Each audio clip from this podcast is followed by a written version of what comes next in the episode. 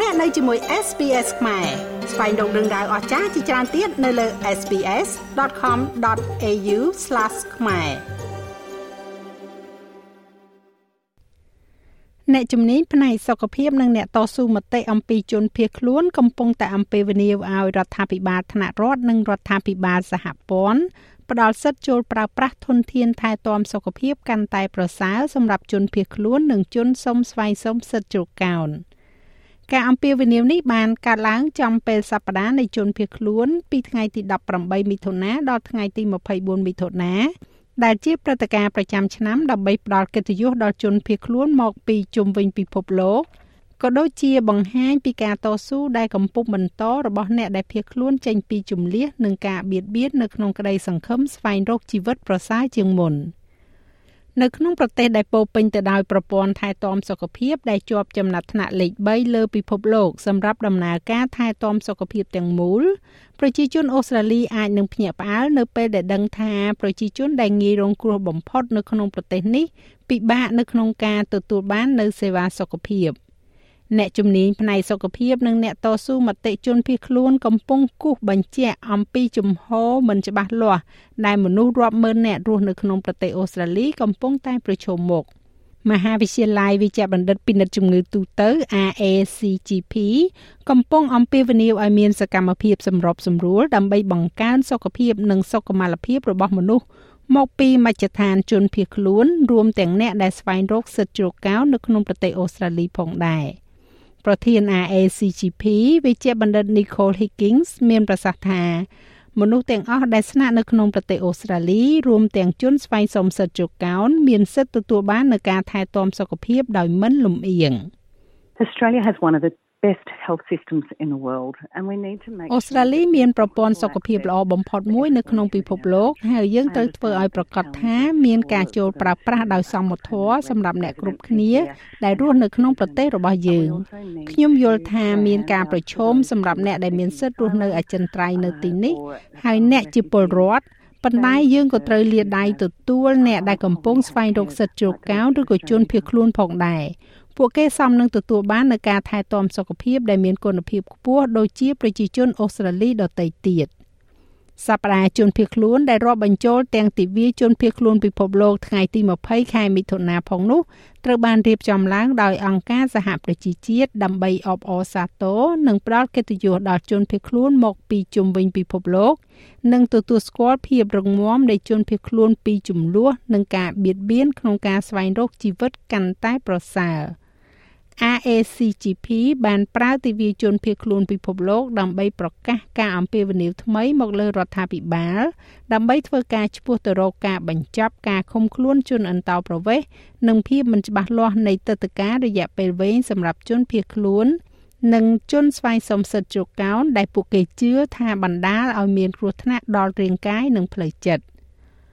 វិជ្ជបណ្ឌិត Higgins មានប្រសាសន៍ថាអង្គការរបស់លោកស្រីក៏តស៊ូមតិសម្រាប់យុទ្ធសាស្ត្រផ្អែកទៅលើផុសតាងដើម្បីកែលម្អការផ្តល់សេវាថែទាំសុខភាពដល់សហគមន៍ទាំងនេះដើម្បីដោះស្រាយកត្តាហានិភ័យពិសេសក្នុងសហគមន៍ជនភៀសខ្លួន។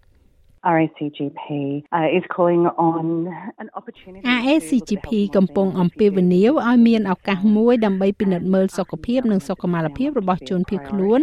និងប្រជាជនដែលកំពុងស្វែងរកសិទ្ធិជ្រកកោនហើយសូមរដ្ឋាភិបាលថាពេលនេះត្រូវតែជាអតិភិបហើយយើងត្រូវតែមានយុទ្ធសាស្ត្រជាតិឥឡូវនេះហេតុផលសម្រាប់បញ្ហានេះគឺថាយើងដឹងថាមនុស្សដែលមកពីមជ្ឈដ្ឋានជនភៀសខ្លួនមានអត្រាខ្ពស់នៃបញ្ហាសុខភាពផ្លូវកាយនិងផ្លូវចិត្ត។ ហើយទាំងនេះមានទំនោរបន្តកើតមាននិងកាន់តែស្មុគស្មាញនៅពេលដែលពេលវេលាបន្តទៅមុខរបាយការណ៍មួយកាលពីឆ្នាំមុនពីអង្គការសុខភាពពិភពលោកបានរកឃើញថាជនភៀសខ្លួននិងជនចំណាក់ស្រុករាប់លានអ្នកនៅក្នុងស្ថានភាពងាយរងគ្រោះដូចជាពលករចំណាក់ស្រុកដែលមានជំនាញទាបប្រឈមនឹងលទ្ធផលសុខភាពខ្សោយជាងសហគមន៍ម្ចាស់ផ្ទះរបស់ពួកគេ នៅក្នុងប្រទេសអូស្ត្រាលីការចូលប្រើ Medicare ច្រើនតែបណ្ដោះអាសន្នហើយអាចផ្លាស់ប្ដូរក្នុងអំឡុងពេលនៃការដាក់ពាក្យសុំការការពាររបស់នរណាម្នាក់គណៈពេលដែលជនភៀសខ្លួនដែលបានទទួលការស្នាក់នៅជាអចិន្ត្រៃយ៍ពិតជាទទួលបាននូវសិទ្ធិចូលប្រើប្រាស់ Medicare ពេញលេញក៏ពិតមែន